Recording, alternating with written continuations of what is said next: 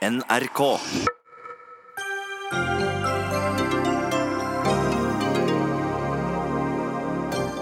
For familier med sterkt pleietrengende barn er det helt tilfeldig om de får hjelpen de trenger, mener moren til en svært syk gutt, og kritiserer kommuner for å la økonomi gå foran etikk. Hæren står i realiteten uten helikopterkapasitet, hevder Arbeiderpartiet, etter at forsvarsministeren sendte 15 helikoptre til Rygge og lot kun tre stå igjen i Bardufoss. Vi har gjort det vi skulle, sier forsvarsministeren. Virker lekser mot sin hensikt, og er det på tide å droppe dem? Nei, men vi må gjøre leksene bedre, sier Høyre. Og gjør vi en bedre jobb hvis vi får bonuser? De kan ødelegge motivasjonen, advarer professor.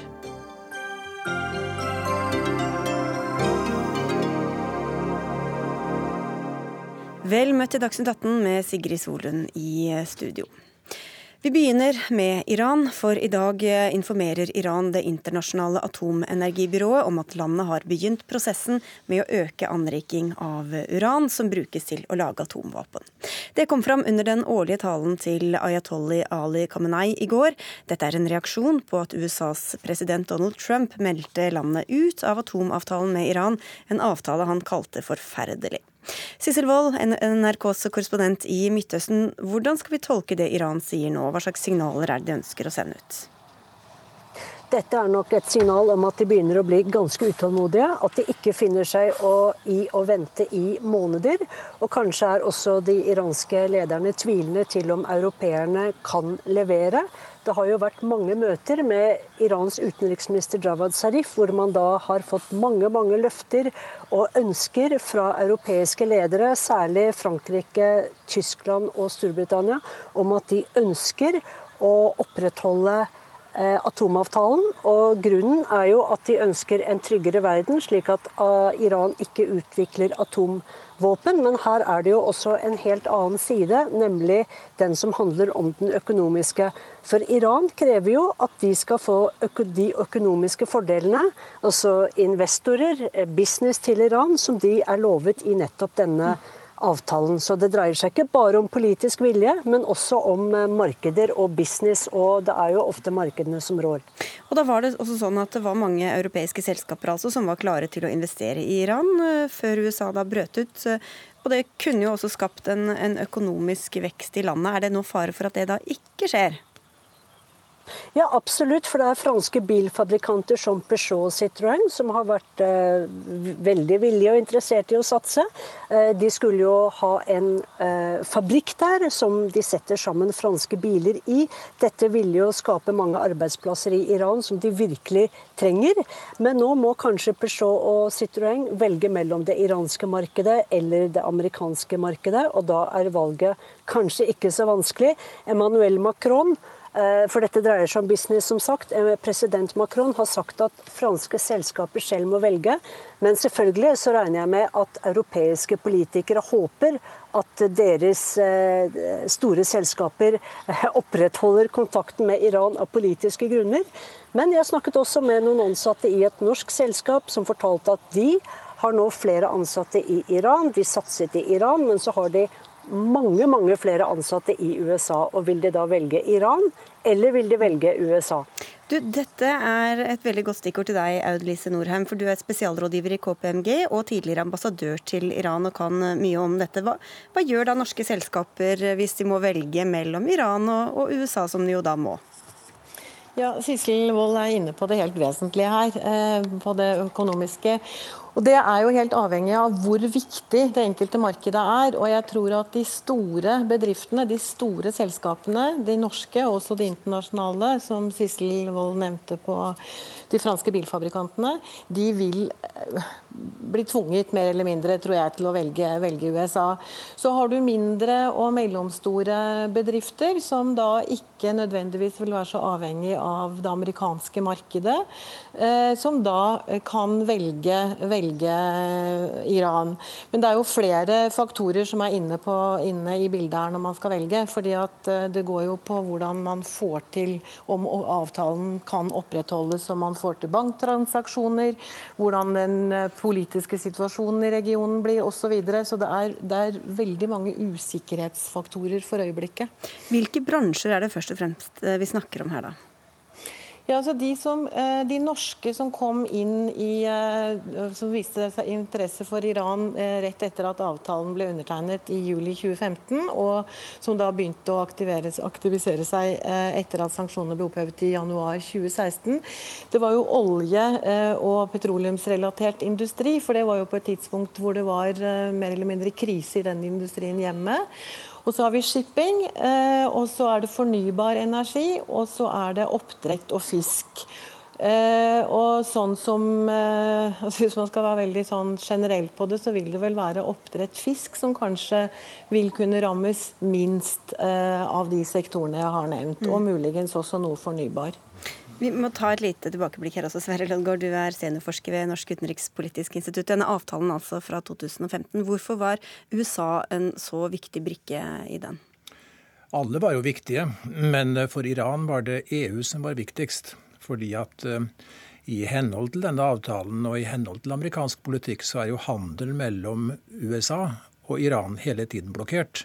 Med noen viktige unntak, som eh, Donald Trump riktignok har prøvd å, å endre på. Eh, det som nå har skjedd, eh, det er jo at Iran forbereder seg, og jeg må understreke forberede, eh, på å produsere mer urangass, UF6, som skal anrikes i sentrifuger. Og de sier samtidig at de forbereder seg på å produsere og installere mer avanserte sentrifuger enn før.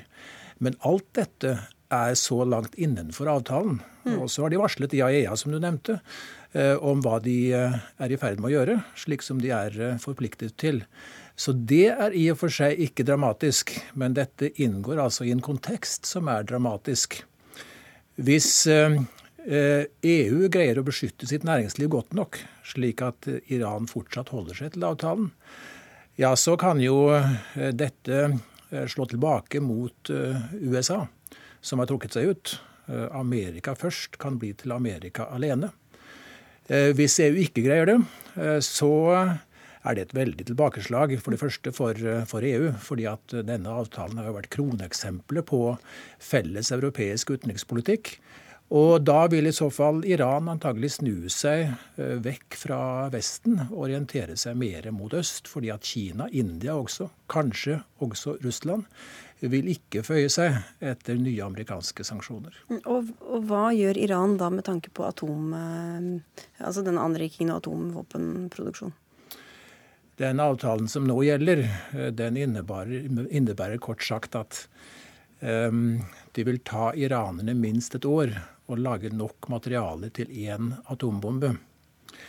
Men hvis denne avtalen forsvinner, eh, så kan den tiden komme til å gå ned i noen måneder, i verste fall noen få uker. Eh, så man risikerer å stå tilbake med veldig kort varslingstid. Men eh, Iran vil da kanskje fortsatt være medlem av den kjernefysiske ikkespredningsavtalen, NPT, som hele tiden har ligget der. Det er bare det at i den avtalen kan de nærme seg evne til å lage atomvåpen på kortere varsel. Og Med dette bakteppet, Norheim, hva slags sikkerhetsrisiko og vurderinger må både norske og andre selskaper gjøre seg før de da eventuelt investerer i Iran? Ja, sånn som eh, situasjonen er nå, så er det jo et ganske høyt spenningsnivå i, eh, i Midtøsten, eh, i hele regionen, som gjør at man må ta den vurderingen av hvor, hvor, trygt, hvor trygt, er det.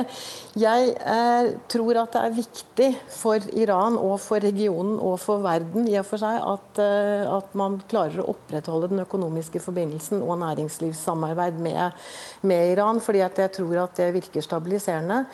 Ehm, kan bidra til å være stabiliserende. Jeg har bare lyst til å si én ting på dette med hvordan, eh, hvordan Iran økonomien taper. Altså den, har, den, vokste jo mye mindre etter 2015, etter atomavtalen, enn det iranerne hadde, hadde, forestilt seg. Og Det er klart at det har skapt interne store problemer for den nåværende presidenten Rouhani. Så det vi nå også ser, er jo en maktkamp mellom hardlinerne og den mer moderate uh, administrasjonen som Rouhani leder. Uh, så det er på en måte kamper, uh, eller maktkamper på, på flere, flere, områder her. Men Kan det da også Lodgaard, gjøre at den økonomiske risikoen ikke virker like stor for Iran å, å kjøre mer alenegang? Den vil nok dempes litt av at stormaktene i øst er villige til å fortsette å handle med, med Iran. Men eh, det er et veldig tilbakeslag for eh, Rouhani også. For som det ble nevnt her, det politiske tyngdepunktet i Iran, i fall avtalen ryker, eh, vil da forskyves mer mot de konservative i landet. Og det innebærer jo allment, vil jeg mene, at Iran blir mindre medgjørlig i internasjonal politikk. Men Sissel Wold, eh, Det var altså en, eh, en, optimisme som vi hørte om da, for bedre levevilkår for befolkninga også i Iran-avtalen. Hvordan er den stemninga nå? Nei, jeg tror Etter at Donald Trump eh, trakk seg ut, så var dette forventet blant veldig mange iranere. Og folk jeg snakket med, sa at ja, men det er godt at han som eh, gjør dette her, så vi slipper å bare vente og vente og vente på at dette skal skje. Men det er også en veldig eh, uggen følelse av at eh, situasjonen nå ligner litt på den som var før USA invaderte Irak. fordi at det høres jo ut, når du hører både på israelske politikere og Donald Trumps administrasjon, at det de ønsker er å dytte Iran inn i et hjørne for å forberede eh, regimeendring. Og hvis man hørte på israelske politikere i dag, forsvarsministeren sier at nå må man få en koalisjon mot Iran, slik at man nærmest kan gå til angrep. Og Det fikk meg til å tenke på eh, 1981, da Israel angrep og bombet eh, den irakiske reaktoren og Sirnak utenfor Bagdad. Da hadde irakerne under Saddam Hussein begynt å bygge en reaktor som man da trodde var til for å produsere masseødeleggelsesvåpen, og den ble bombet. Så det føles som om atmosfæren bygger opp mot et tilsvarende, eh, tilsvarende situasjon. Det er spente tider. Vi får bare følge med. Vi må si takk til dere alle, alle tre for at dere kom. Sverre Loggaard fra NUPI og Sissel Wold fra eh, korrespondenten i Midtøsten. Og ikke minst også til deg, Aud Lise Norheim, som altså er spesialrådgiver i KPMG og tidligere ambassadør til Iran. Dagsnytt 18 alle hverdager klokka 18. På NRK P2 og NRK2.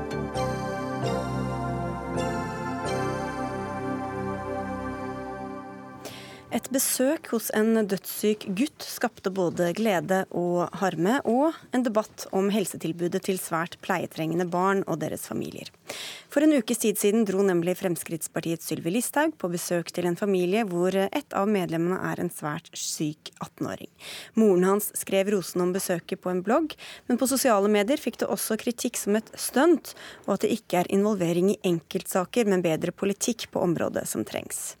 Du var en av dem som engasjerte engasjerte deg, Katarina Dørumsgaard, Du er spesialpedagog, men du er her eh, primært som mor til en veldig syk gutt. Du har knapt vært ute av huset på et halvt år fordi du er hos ham eh, døgnet rundt. Og Vi skal komme tilbake til politikken i det, men kan du først si litt om hva din erfaring og din situasjon har gjort med tiltroen din til dette systemet som vi skal diskutere? Ja, jeg kan jo si at jeg gikk inn i systemet som mamma med en slags jeg kaller det gladnaiv optimisme. Jeg trodde, fordi jeg er fagperson også, at jeg skulle møte et system som sto på for å hjelpe oss. Eh, og det, det har vært eh, litt varierende eh, om det stemmer eller ikke. Og så tok du, eller hevet du stemmen litt i forbindelse med dette besøket. Hvorfor, hvorfor provoserte det deg? Jeg tenker at når man er i regjering, så må man bruke den makten man har politisk til å, lage, til, til å eh, styre kommunene den veien man vil ha dem. Eh, når man går inn i enkeltsaker, så sitter vi Det er tusenvis av andre familier i, i, lignende situasjoner. Og det er enda flere familier som ikke har barn som skal dø, men som har barn som har store hjelpebehov, og som er avhengig av det samme tjenestetilbudet. Og må forholde seg til det samme hjelpeapparatet. Men Er det ikke bra at politikere også undersøker og engasjerer seg i enkeltsaker for å forstå situasjonen bedre? Når man er i opposisjon, så tenker jeg at man kanskje har den friheten, selv om jeg ikke ser helt noe annet enn en PR-verdi av det. Når man sitter i regjering, så tenker jeg at man bør konsentrere seg om å, å be den enkelte kommune utføre den jobben de skal gjøre. Og hvis man ønsker å engasjere seg i enkeltsaker, så bør man i hvert fall gå inn på en enkeltkommune, for nå er det én familie som får hjelp i denne kommunen, og ingen av de andre familiene som kanskje opplever det samme i den samme kommunen. Vi har jo selvfølgelig invitert Sylvi Listhaug, som bestemte seg for å stå over denne debatten, så vi kan jo la det ligge og gå over mer på dette systemet som du beskriver også. Hvordan er det for en mor eller en far eller andre og når du får beskjed om at barnet ditt enten er veldig veldig alvorlig sykt eller skjer en ulykke eller på annet vis du trenger veldig mye hjelp. Hvordan er det å få den hjelpen? Eh, man skal gå inn i systemet med mye ressurser for å bli hørt. Eh, mye av systemet er lagt opp til at man får avslag første gang man søker om noe, og da må man ha ressurser for å kunne klage. Eh, hvis du skal klage, så er du nødt til å ha både evnen til å lese og skrive. Du må vite at du har rett til å klage. Du må kunne en del av lovverket ganske godt. Du må vite hvem du skal klage til. Du må ha et barn du kan gå ifra for å kunne klage, skrive klagen. Du må ha utstyr, du må ha PC, du må ha skriver. Du må ha ork til å stå i det, og du må ha mot for å stå i at andre mennesker syns at du er en byrde. Ja, for du har jo snakket med mange andre mm, familier, og det kan jo hende at det er mest i eh, de verste eksemplene som kommer fram, da. Men hva er det de andre forteller deg av, av folk som er i lignende situasjon som det, som det du og din familie er i, om hvordan de møter systemet? Gjennom sosiale medier og andre nettverk så har jeg møtt veldig mange, jeg kjenner mange familier nå. Og det er ulike saker de står i, men det er omtrent Jeg vil anslå at 80 85% av de jeg har møtt, har dårlige erfaringer med hjelpeapparatet. Det fungerer ikke sånn det er nedfelt i lovverket. Og mye av lovverket er jo også eh, basert på skjønn. Og skjønn, det da, da, er man avhengig av at det er kompetanse i kommunene. Å utøve skjønn, det er en vanskelig idrett. Eh, og det er jo derfor det er så store forskjeller fra kommune til kommune også. Eh, det er nok sånn at de fleste av oss kan navnene på de kommunene i Norge som helt og holdent eh, behandler sine innbyggere som ber om tjenester med verdighet og respekt. Og jeg snakker ikke om at man skal få alt man ønsker seg. Jeg snakker om at vi ønsker oss å bli behandla som innbyggere. Og det gjelder alle som trenger tjenester. Og ikke som motstandere. For det er det vi føler oss som. Hvor godt føler du at offentligheten kjenner til eh, situasjonen for disse familiene? Dårlig, tenker jeg. Lite. Og det er klart at eh, enkelthistoriene belyser én virkelighet, og så er det lett å tenke at denne virkeligheten gjelder bare denne familien. Dette er et unntakstilfelle. Det tenkte i hvert fall jeg som fagperson. Oi, denne elevens foreldre var veldig uheldige med, med det de møtte, tenkte jeg. Eh, det er først etter at jeg har møtt disse familiene at jeg tenker at det er, en, at det er gjengs. da. Du peker på kommunene. Vi har invitert KS, som organiserer kommunene. De ville ikke komme til Dagsnytt 18. Vi inviterte Helse- og omsorgsdepartementet, som sa de ikke hadde noen som kunne komme.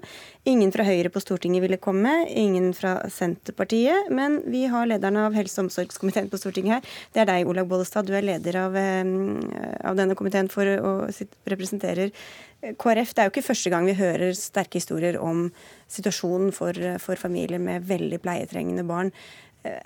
Er det, er det en kjent virkelighet for deg? Uh, ja, dessverre så er det det. Uh, jeg har møtt mange foreldre uten å ha media på slep, som har fortalt meg historier om møtet med systemet. Dessverre. Jeg har vært ordfører, så jeg vet òg der at folk opplever systemet som vanskelig. Og jeg har jobba i sykehus og opplevd og at folk opplever systemet som vanskelig. Og jeg tenker det er ikke folka som er vanskelige. Det er ikke morer og farer som er vanskelig. De gjør en formidabel jobb på vegne av ungene sine og på vegne av det offentlige. Men det er systemet som ikke er godt nok. Og det er holdninger hos ansatte. De tenker vi er ikke gode nok til å møte de som har så komplekse eh, ting å, å, å, forholde seg til. Og jeg tenker kanskje, jeg sier kanskje, for jeg har ikke svaret, men kanskje noe av det første jeg tenker når jeg hørte når hun forteller, det er at en koordinator som faktisk skal være der og finne den veien som disse må, må, må dra gjennom, er én ting som jeg mener. For de må jo lete i systemet, for vi har systemet så vanskelig. Og for Du må tenk... være både sykepleier og lege og jurist i tillegg ja, nærmest for ditt eget ja, barn? barn. Og så kan du jo bare tenke deg den situasjonen du sitter i for det du skal ivareta det du er mest glad i, i tillegg. Og så skal du kjempe mot systemet. Og jeg tenker at her har vi alle en jobb å gjøre.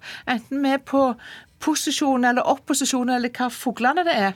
Fordi det handler om å skape et samfunn som gir rom for plass, og gir rom for at vi skal møte folk som har utfordringer. For et samfunns kvalitet, den blir jo faktisk målt på hvordan vi klarer å ivareta de som trenger aller mest hjelp, og der er vi ikke gode nok. Du skal få svare, Døreskap. Vi skal bare introdusere deg også, Elise Bjørnbekk Vågen. Du sitter i den samme komiteen for Arbeiderpartiet. Det er jo da en villet politikk. ikke sant? Institusjonene er bygd ned. Vi vil ha folk hjemme eh, og skal få pleie der. Men hvor godt forberedt er da kommunene på den virkeligheten som de møter, og den pleien og, og, og tjenestene de må gi?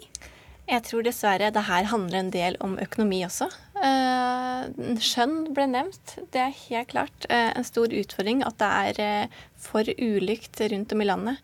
Om det er sånn at man ikke opplever å få den hjelpen man trenger, at man må kjempe for det, da har vi en lang vei å gå.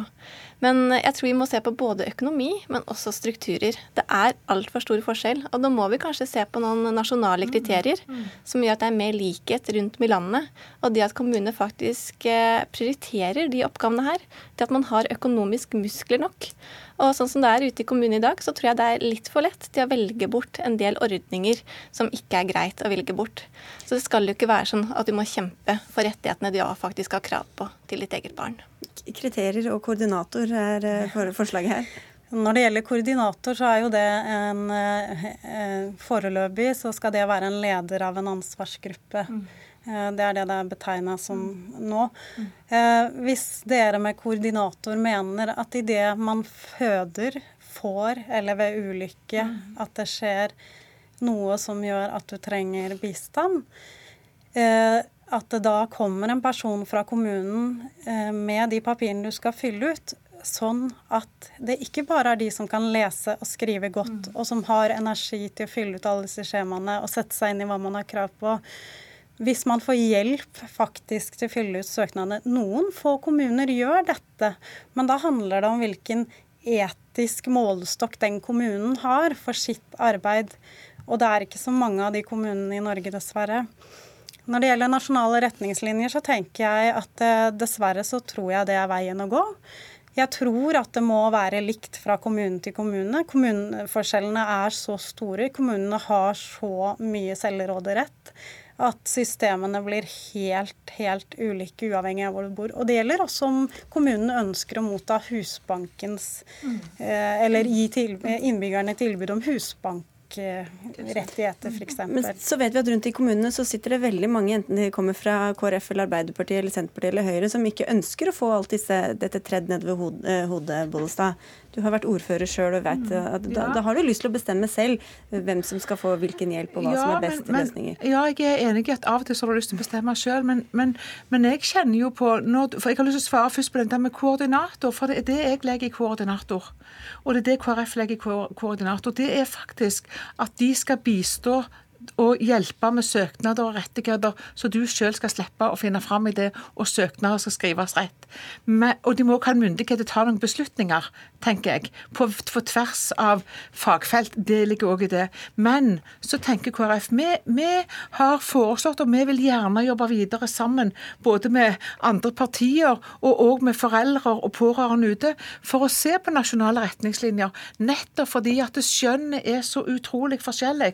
og mulig mulighetene er så utrolig forskjellige. Og så må jo vi òg være villige til å finansiere de ordningene vi her snakker om. Men jeg tenker òg at som kommune så tror jeg at det er veldig mange ønsker, de ansatte i kommunen ønsker å gjøre eh, det beste, men de, de er så opptatt av at paragrafene kanskje ikke gir rom for å tenke litt lenger. og Da er det noe galt med systemet, tenker, og det må vi tørre å gjøre noe med. Men Dørumskar, er det ikke kommunene som sitter nærmest brukerne, som er best til å, til å bestemme og vurdere hvem som trenger hva, da?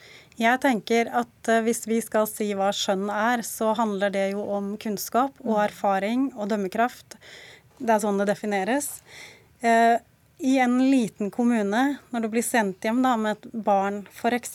som trenger høyst, spe, høyt spesialisert medisinsk behandling, hvem i den kommunen har erfaring med dette fra før? Det er, helt, det er en helt umulig oppgave for en liten kommune. Eh, og, og mange kommuner vil jo heller ikke lese eller lytte til det spesialistene skriver. Det gjelder jo det gjelder jo at de sier nei, vi er ikke enig. Det kjenner jeg flere som har opplevd. Så, så, det må bli mindre selvråderett for kommunene, sier du da? Jeg tenker det. Men hvordan ser du da for deg Bjørn Bekvågen, at disse retningslinjene skal utføres? Hva er kriteriene som skal utløse det ene eller det andre, da? Tenker jeg Det må vi gå nærmere inn på. Nå er jo ikke jeg noen fagperson, eh, og ikke pårørende heller. Men her er det mange som har gått i skoa, og som faktisk vet hvordan det er å ha et sykt barn. Og som vet hvordan det er å stå i situasjonen. Så det må vi lytte til. Men jeg tenker også at eh, her er det jo andre mennesker som burde vært i debatten. De som faktisk har muligheten til å utforme de retningslinjene, og som sitter i departement og i regjering. Og de savner jeg jo i debatten. Og her har man jo alle muligheter også å kunne løfte alle familier som står i en vanskelig situasjon, og ikke bare reise rundt som et nasjonalt brukerombud. Ja, nå har jeg jo listet opp alle som ikke ville komme, men du var ikke så spesielt imponert over den forrige regjeringa. Eller KrF har jo også hatt en hånd på rattet gjennom mange år her nå, Dørumskar. Det er fordi at f.eks. dette med koordinator, så tenker jeg, hvis jeg skal bruke min situasjon, da, så ville en koordinator For det første så ville jeg gjerne bestemme selv over barnet mitt, som mm. de fleste mm. andre foreldre mm. ønsker. Og det kan lett bli en, en liten uenighet der. Men jeg tenker også at det er helt urealistisk at hvis f.eks. helsesøster er koordinator, så skal hun i tillegg gjøre en del av den jobben jeg bruker veldig mye tid på. Det er stillinger, dette her. Det må, da må det i så fall bli et yrke. En stilling som er lønna. Så hva er løsningen, da? Jeg tenker jo at uh, for det første så må kommunene forholde seg til det som står i lovverket om, om, uh, om å bruke alle deler av skjønn. Ikke la økonomi overstyre etikken. Uh, det er ikke dyrere å lytte til de du skal hjelpe, de du skal gi tjenester det er ikke dyrere uh, Det er ikke billigere uh, å oppføre seg uh, dårlig. det er lurt å lage innbyggerne til i, et samarbeid, i stedet for å snakke om samarbeid. Mm. I stedet for å gjøre dem til motstandere. Ok, Veldig kort på slutten, begge to. da. Mm. Jeg syns du har et kjempepoeng. Altså, Én ting er alle tiltakene vi kan, kan, møte med, men det er klart at det, det En ting er billigere, men det er rett lettest òg, det er når foreldre og all familie ønsker å ivareta. Så det er best, og det er billigst, og det er rettest. Og da tenker jeg det er ikke alltid at det er penger heller, men det, det er rett lettest overfor den det gjelder.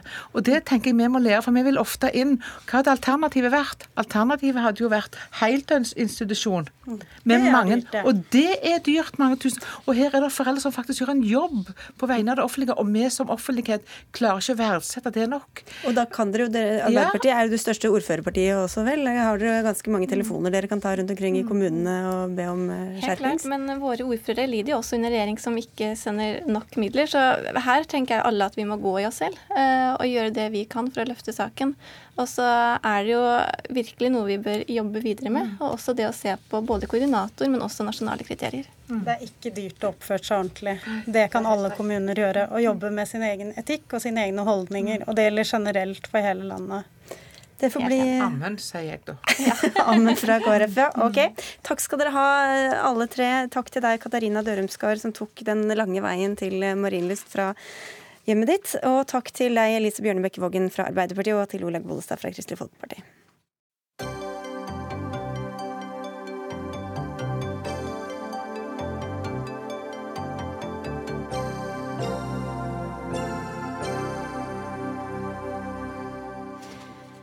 Nå til noe ganske annet, som vi sier. Arbeiderpartiet vil hasteinnkjøpe brukte helikoptre for å sikre at Hæren får nok helikopterkapasitet i nord. Bakgrunnen for forslaget er at regjeringa sier de vil ha 15 Bell-helikoptre på Rygge i Østfold, mens bare tre helikoptre skal stå igjen til Hærens disposisjon på Bardufoss i Indre Troms.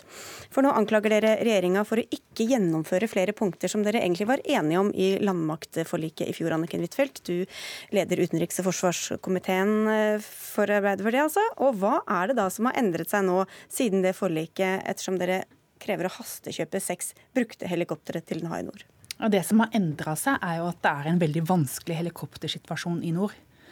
Eh, veldig mange har hørt om ambulansehelikoptrene. Nå står to av Forsvarets helikoptre i beredskap for helsevesenet. I tillegg så blir eh, helikoptrene til Kystvakta forsinka. Redningshelikoptrene blir forsinka. Og vi trenger helikoptre til spesialstyrkene. Men vi trenger også helikoptre i nord. og Derfor så er jo dette en quick fix. Men det er noe som funker. Det er i hvert fall en fiks. Regjeringa har ingen fiks, og altså, kun utsettelse. En, en, midlertidig løsning, eh, mener dere da, den, disse brukte? Altså, det er jo litt risikabelt å kjøpe en helt nye helikoptre, for det kan ta tid. Og det har vi flere eksempler på. Men helikoptersituasjonen for folk i nord er prekær. Og derfor så trenger vi både flere helikoptre i sør, slik at spesialstyrkene kan få det, men også nye helikoptre i nord, slik at vi slipper å flytte helikoptre fra Bardufoss.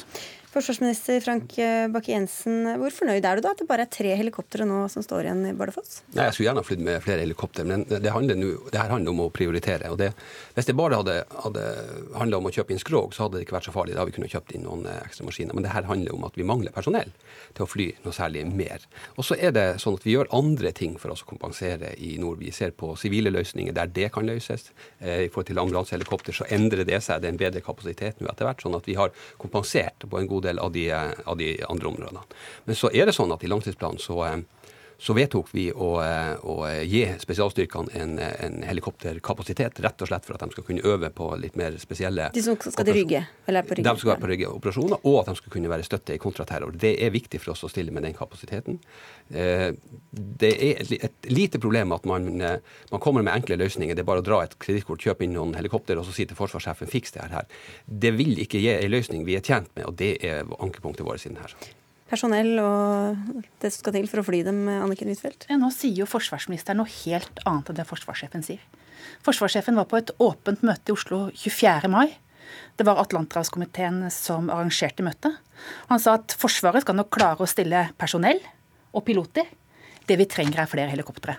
Og da mener vi at et, når et Bell-helikopter koster 40 millioner kroner, når Kystvaktas helikoptre er sterkt forsinka, og det er ikke sikkert de får på mange, mange år, redningshelikoptrene er forsinka, så må vi fikse det.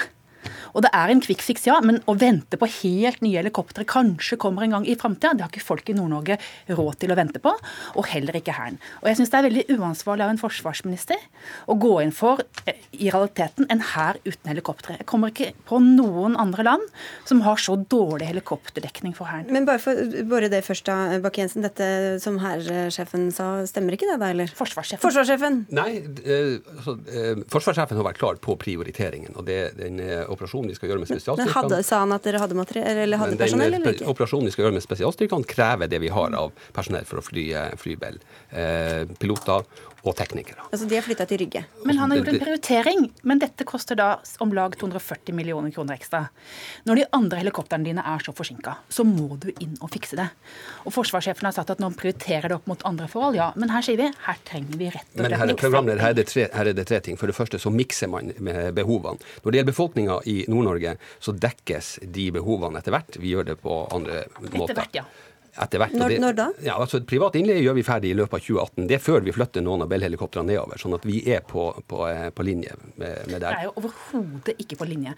I Stortinget så kan du ikke svare for når Kystvakta får helikoptre engang. Vi spør deg når får Kystvakta helikopter? Og du sier nei, det utreder vi i det departementet. Det er ikke er riktig, kjære komitéleder. Vi har altså levert en plan for eh, innfasing av eh, redningshelikoptrene. Du har fått årstallene for når de skal eh, komme inn. Det vi har sagt, det er at vi gjør en gjennomgang nå i forhold til antall timer de kan fly. Men når maskinene skal være til stede, har vi sagt eh, når skal være. Vi har også sagt at Kystvakta skal når? ha dedikert helikopterkapasitet. Den kommer. Vi jobber med den, den saken. Vi skal ha, vi skal, vi skal ha NH90-en på plass nå i løpet av frem mot 2022. Vi skal ha de seks første til 2019, og så skal vi modifisere de foreløpige versjonene. Dette er en plan som er presentert for Stortinget. Hvis du ikke har fått det med deg, så er det beklagelig. Da skal vi ta en ny gjennomgang. Men hvor skal du få pengene fra sånn... dette bruktkjøpet da, Anniken Huitfeldt?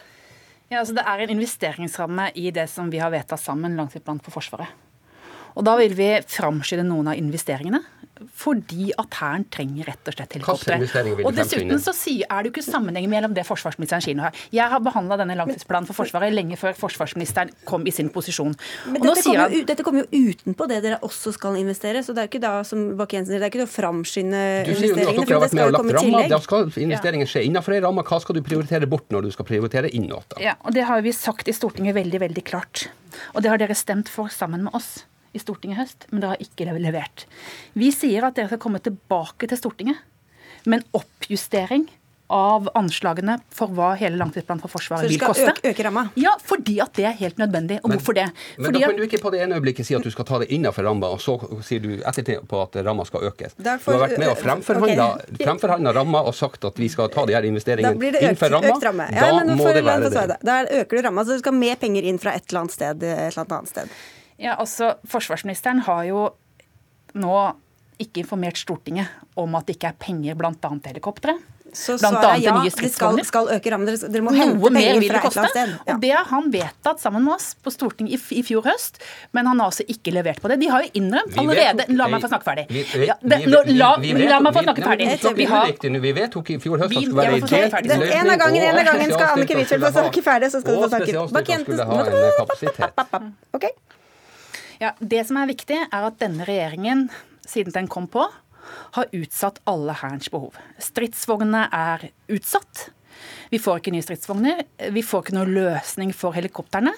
Og nå, først nå i vår, så får vi beskjed fra denne regjeringen at det er ikke penger til stridsvogner. Det er ikke penger til det som Hæren trenger. Det blir det veldig mange temaer på en gang. Det, henger, det, her er, nei da, det her er helt håpløst. Det henger ikke, det henger ikke på greip. Vi har også flytta Forsvaret nordover. Vidtvedt eh, sier at vi, har, vi, tar Forsvaret ut av Nord-Norge. Vi har flytta Hæren tilbake til Finnmark. Vi investerer, vi oppretter en ny bataljon der. Vi mekaniserer andre bataljon, som nå er lett infanteribataljon. Men det er forsinkelser, det er du enig med, med i? nei, ikke i forhold til de her prosjektene. Vi løfter altså Forsvaret tilbake til Nord-Norge. Vi seiler mer, vi flyr mer. Vi er på trekk med den planen vi har presentert til Stortinget når det gjelder helikopter. Vi har levert den delte løsninga man ba om i høst på, i, i landmaktforliket når det gjaldt helikopter. Vi leverer kapasiteten til eh, spesialstyrkene. Vi kompenserer med sivilt innleie for å dekke opp en del av de bistandsprosjektene som Forsvaret har. Vi leverer på de tingene vi har lovt i Nord-Norge. Jeg kjenner ingen i Nord-Norge Bortsett fra kanskje representanter for regjeringspartiet som er fornøyd med den helikopterløsninga som dere presenterer. Den er faktisk så dårlig at det er opprør blant de som er opptatt av beredskap. Og når dere er så forsinka med de andre helikoptertypene, så er det bedre å gjøre en kvikkfiks enn å ikke ha noen fiks. Og du sier jo nå at du har ikke noe plan for når Kystvakta får helikoptre. Nei, okay, svare på akkurat det, Bakken, så skal vi ha bare et annet tema inn her helt på tappen. Du skal få svare på det først. Ja. Det er nødt til å si at vi ikke har noen plan. Jo, Vi har presentert en plan. Hvis komitélederen ikke forstår den eller ikke vil høre, er det noe annet som at vi ikke har levert en plan. Dere, Vi må bare så vidt innom det som kom fra eh, Riksrevisjonen i dag, nemlig eh, rapporten om sikring av de mest følsomme terrormålene i Norge.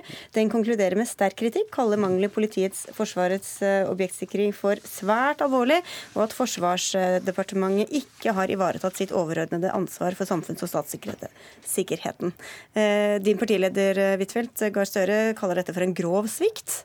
Jeg regner med at du er enig med han? Altså, dette er også igjen mangel på gjennomføringskraft. Den som hørte hva som var budskapet til Erna Solberg i 2013, det var gjennomføringskraft. Det gjennomføres nå ikke når det gjelder Hæren, ikke når det gjelder helikoptre, ikke når det gjelder stridsvogner, og heller ikke når det gjelder objektsikring. Så her er det rett og slett ikke evne til å gjennomføre de planene og de kravene som Stortinget har stilt til denne regjeringen. Ikke før i 2025 kommer de såkalt skjermingsverdige objektene til å være sikret slik sikkerhetsloven krever, eh, Frank Bakke-Jensen. Hva hvis noe skjer da i mellomtiden? Ja. For det første så, så, er det viktig å si at vi tar, vi tar denne kritikken fra Riksrevisjonen på aller største alvor. Så er det, sånn, det bare mangle. Så er det, så er det sånn at i 2015 var vi igjennom en høring og en rapport. Der var vi åpne på at det her ville ta tid. Vi var helt åpne på hvilken prosess vi skulle ta videre. Vi har økt. Eh, det, der er kritikk på at vi ikke samarbeider med politiet. Vel, vi har fra 2015 til nå løfta antallet eh, objekt som eh, trenger en plan fra 25% til 94% av dem har nå plan og er klar til den. Vi har for våre objekter løfta fra 50% til 91% Vi har også eh, lagt også en plan for hvordan vi skal gjennomgå alle nøkkelobjektene for å eh, være fra. Ja, i 2025 vil vi være ferdig med den lista vi har, men vi har gjort betydelige investeringer allerede. Men, men kan vi være trygge i mellomtiden? Ja, for det er også sånn at selv om Riksrevisjonen sier at man har ikke sikra, så har vi delvis sikring på alle nøkkelprosjektene. Vi er ikke helt oppe sånn at alle er sikra alt i henhold til, til, til, den nye sikkerhetsloven, men vi jobber med det, og vi forbedrer de her, denne situasjonen hver dag. Og det er sikkert begge to som har mer å svare for, men du skal videre til Dagsrevyen og utdype dette, Frank Bakke-Jensen, så vi får si takk til dere i denne omgang, og takk også til deg, Anniken Huitfeldt fra Arbeiderpartiet.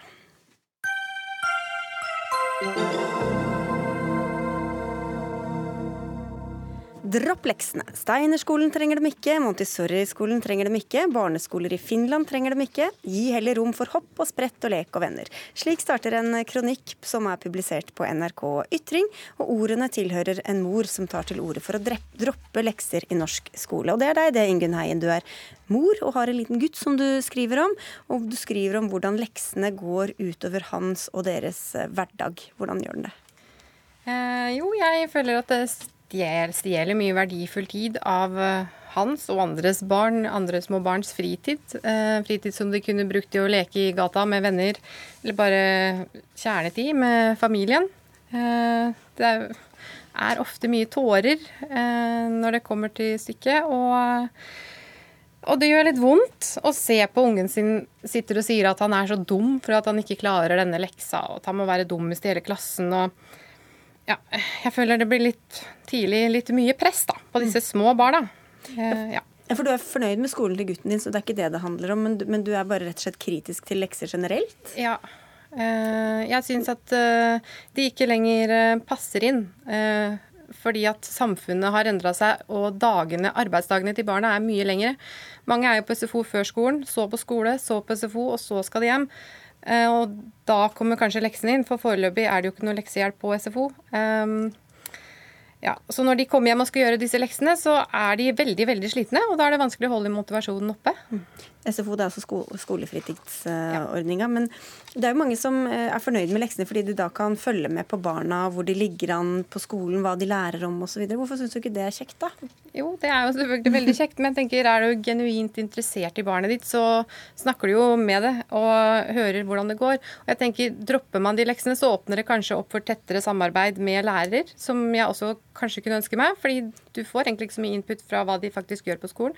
Og jeg veit også at noen driver med loggføring allerede fra første klasse, hvor barna lærer å skrive logg allerede fra første klasse, som er, blir en sånn kontinuerlig informasjonsflow mellom skole og forelder, slik at man får med seg hva barna faktisk gjør. Så det er alternativer. Ja. Mathilde Dubring-Gjedde, stortingsrepresentant for uh, Høyre. Det er sikkert mange som kjenner seg igjen i dette. Hva, hva vil du si da til alle foreldrene som gruer seg på vegne av barna sine hver dag for den leksestunden? Nei, jeg forstår veldig godt frustrasjonen som beskrives her. Eh, og først og fremst fordi det virker som dette er lekser som da er demotiverende, og som på en måte ødelegger den mestringsfølelsen og læringsgleden.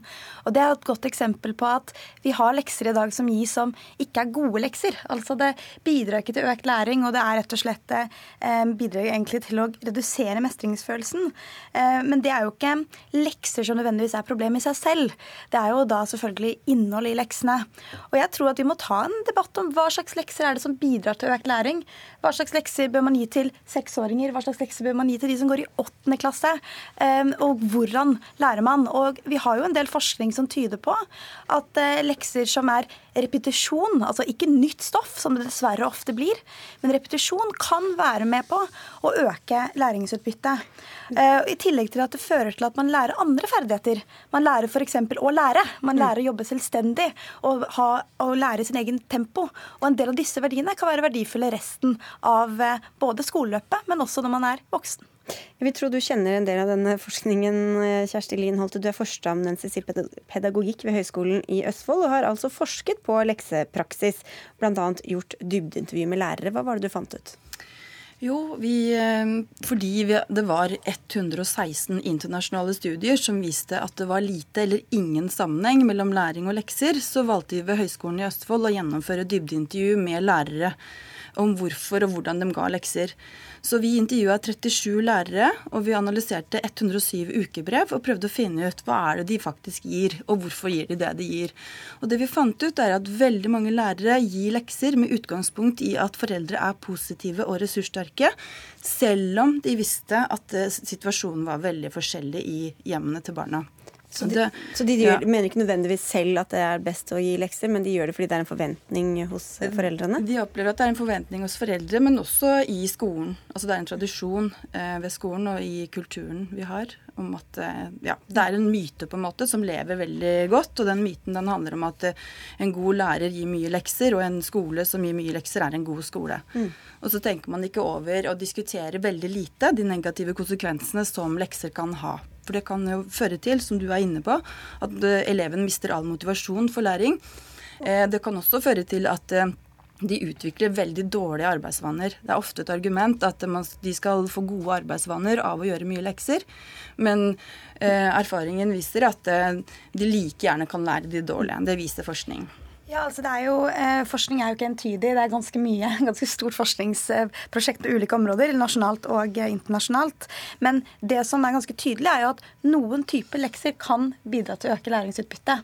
Og Spørsmålet er da hvorfor gis det ikke i dag? Og jeg, jeg synes at Du peker på et veldig interessant poeng. og det er det at Vi har nok hatt en tradisjon i Skole-Norge der lærerne på hver på skolene ikke har hatt mulighet til å diskutere seg imellom. Hva er forskningsbasert praksis? Hvilke lekser bør vi gi? Hvordan skal vi følge opp de elevene elevene vi har som vi vet ikke har mulighet for hjelp hjemme.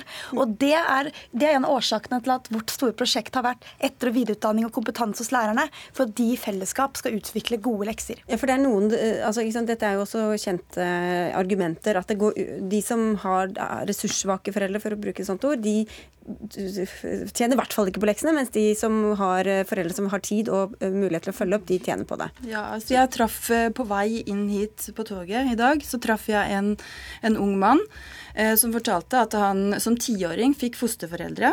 Og han som tiåring så kunne han ikke lese, han kunne ikke skrive.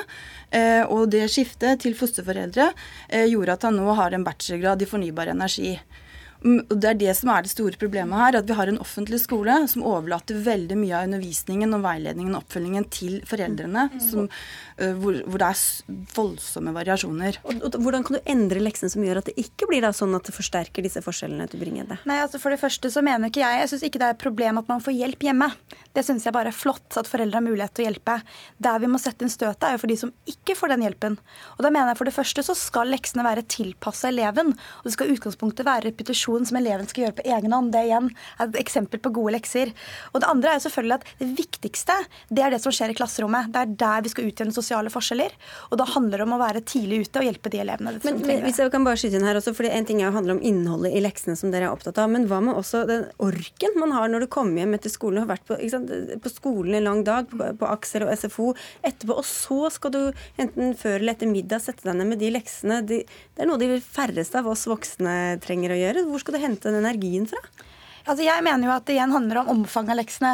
Um, har vel en undersøkelse som tyder på at man bruker gjennomsnittet én time under en time, og det er variasjon ut fra hvor gammel man er.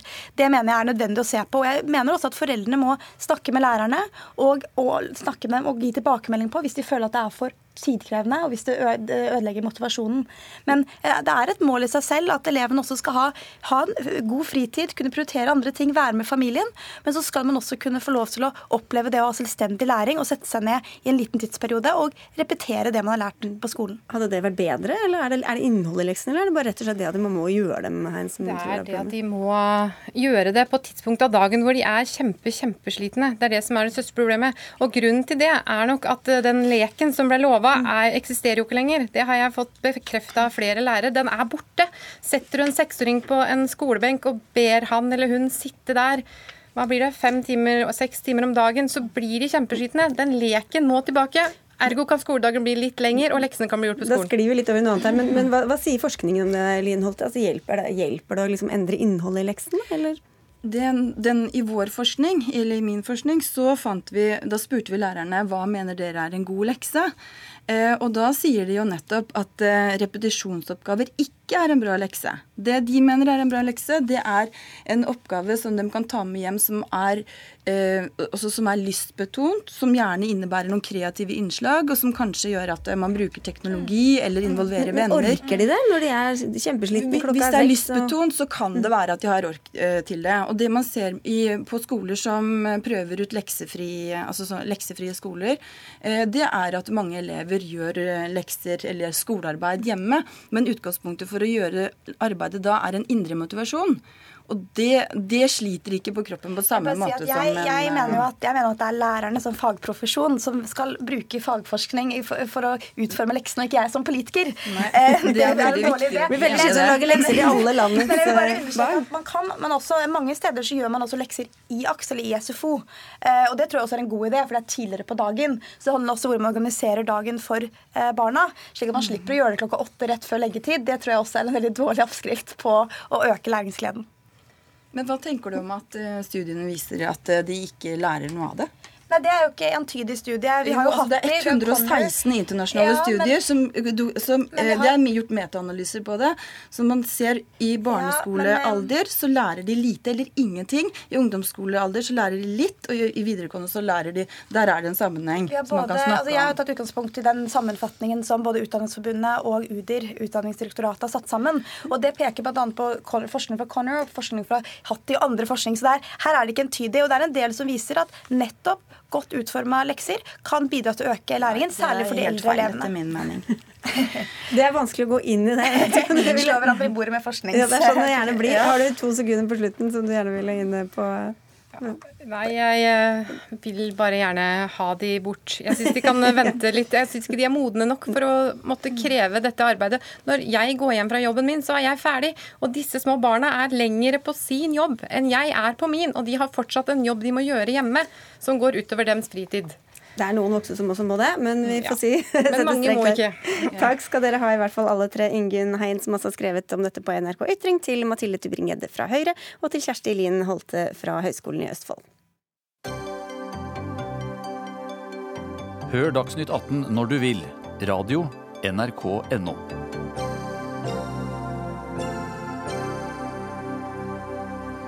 Mange store og små bedrifter her i landet har innført bonuser og økonomiske belønninger for dem av sine ansatte, som gjør en ekstra god jobb.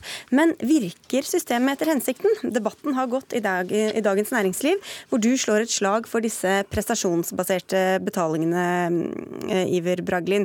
Du er førsteamanuensis ved Norges handelshøyskole, som altså ligger i Bergen. Hva slags positive effekter har disse bonusene? For det første så kan de påvirke prestasjonene positivt. Vi har sett i metaanalyser, som eh, de snakket om også i forrige innslag, altså det er eh, analyser som ser på tvers av enkeltstudier, kjører statistiske analyser på tvers av enkeltstudier. Og de finner at eh, belønninger i snitt virker prestasjonsfremmende. Eh, Men det er ikke bare sånn at eh, det er isolert fra denne prestasjonseffekten. for denne prestasjonseffekten. Eh, Altså, det er veldig viktig at bonuser i bedrifter de brukes ikke kun for å få folk til å jobbe hardere. Det kan være mye viktigere for bedriftene at de ansatte jobber smartere, at de bruker tiden sin eh, på det som faktisk er verdiskapende for bedriften, og at de tar gode beslutninger eh, for bedriften når de møter kunden, når de står i produksjonssalen eller eh, som ledere. Eh, Videre eh, så bruker Hvis jeg får litt grann til. Jo da, men du eh, skal få ordet flere ganger. ja, du. men bare- La meg fullføre her nå. For, altså, også en viktig del som ikke handler om prestasjoner på jobben i det hele tatt, det er at bonuser brukes for å tiltrekke og beholde de medarbeiderne som bedriften ønsker seg. Og den siste effekten, hvis jeg får lov til å ta den, det er at eh, bonuser virker slik at lønnskostnadene går ned når inntektene går ned. Og det er også eh, til gunst for bedriftene. Så mange argumenter for. altså Bård Kuvås, du er professor ved GBU. Likevel skriver du i dag at det er feil at disse virker, og at det er eh, unyansert. Det, Ja, det, er, det er unyansert og mangel på presisjonsnivå som er hovedproblemet. eh, Så man må ha mer kunnskap om hva som inngår i metaanalysene. Men la meg først ta det siste poenget med sortering. Det, det, kan jo være godt egnet uh, ved å tiltrekke seg. Men spørsmålet er hvor lønnsomt det er å tiltrekke seg folk som først og fremst vil være der for å tjene mest mulig. Uh, så det er ett spørsmål. Uh, det andre, som ikke er noe problem, med fleksibilitet, det kan jo ordnes med kollektive ordninger. Teambaserte belønningssystemer og rene overskuddsdelinger. Så der er vi helt på linje, Bragelin. Det er ikke, ikke, ikke noe problem. Hovedproblemet er at din gjengjeldelse Spørsmålet handler ikke om belønninger og insentiver virker. Det handler om hvilke type belønninger. Det handler om graden av direkte insentiveffekt, eller potensialet for direkte insentiveffekt. Eh, og hvordan det påvirker motivasjon og atferd. Og bare for å gi et helt konkret eksempel. Eh, når du nevner denne studien med, med kreativitet, så står det til og med i abstracten, altså i oppsummeringen, at nettopp den type form for insentiver, hvor det er en sterk kobling mellom at du først bør oppnå et visst resultat, eh, eh, den type insentiver er negativt relatert til kreativ atferd. Altså, det, så, det virker mot sin hensikt? Ja, og det er det som er hele poenget med denne type forskning. At djevelen ligger i detaljene. Man må ha kunnskap om de spesifikke nivåene. Og de trådene, de funnene fra den kreativitetsmetaanalysen, det, det støtter jo nettopp mitt poeng, vår forskning og selvbestemmelsesteori. Ja. Ja, Pragelin. Så har du ikke lest abstracten? Eller? Har du lest abstracten, eller har du ikke lest abstracten? For å si det sånn, så sitter jeg faktisk med den foran meg her, så det har jeg faktisk lest. Ja, og, det er siste eh, setning. Eh, ja, takk for det. Eh, jeg tror nok at vi leser For det første, kreativitet her er en liten, liten punkt i min. Jeg tok det bare med for å illustrere at belønninger faktisk også kan stimulere til kreativitet. For hovedkonklusjonen til denne ja, studien, den er at Kan jeg få lov til å snakke ferdig? Unnskyld, kan jeg snakke ferdig? Det er veldig vanskelig å snakke i munnen. Okay, en gang, men da må du snakke litt kortere. Ja. Mm. ja. men jeg må få lov til å fullføre. Det er litt ja, vanskeligere når du er i studio på andre siden av landet. Eh, jo, den, eh, Hovedkonklusjonen er at hvis du stimulerer til kreativitet ved å, eh, ved å eh, si på forhånd at hvis dere jobber kreativt, eh, så vil dere bli belønnet. Og Da er det entydig at, eh, at studien virker positivt. At, eh, at belønninger virker positivt. Men, men, ja, ja, men, men bare, bare, la, meg bare, la, meg, la meg bare trekke altså, det, Jeg syns det er helt, helt tåpelig Hvordan, mener, hvordan mener du at det kan virke mot sin hensikt? Jeg skal forklare. Eh, rent sånn De fleste, veldig mange belønningssystemer for folk som jobber som Bragelin og meg, og mange mellomlederorganisasjoner, har sannsynligvis verken positive eller negative effekter. Fordi det kommer som en overraskelse. Da er vi stort sett opptatt av om det er rettferdig eller ikke. Punkt nummer to.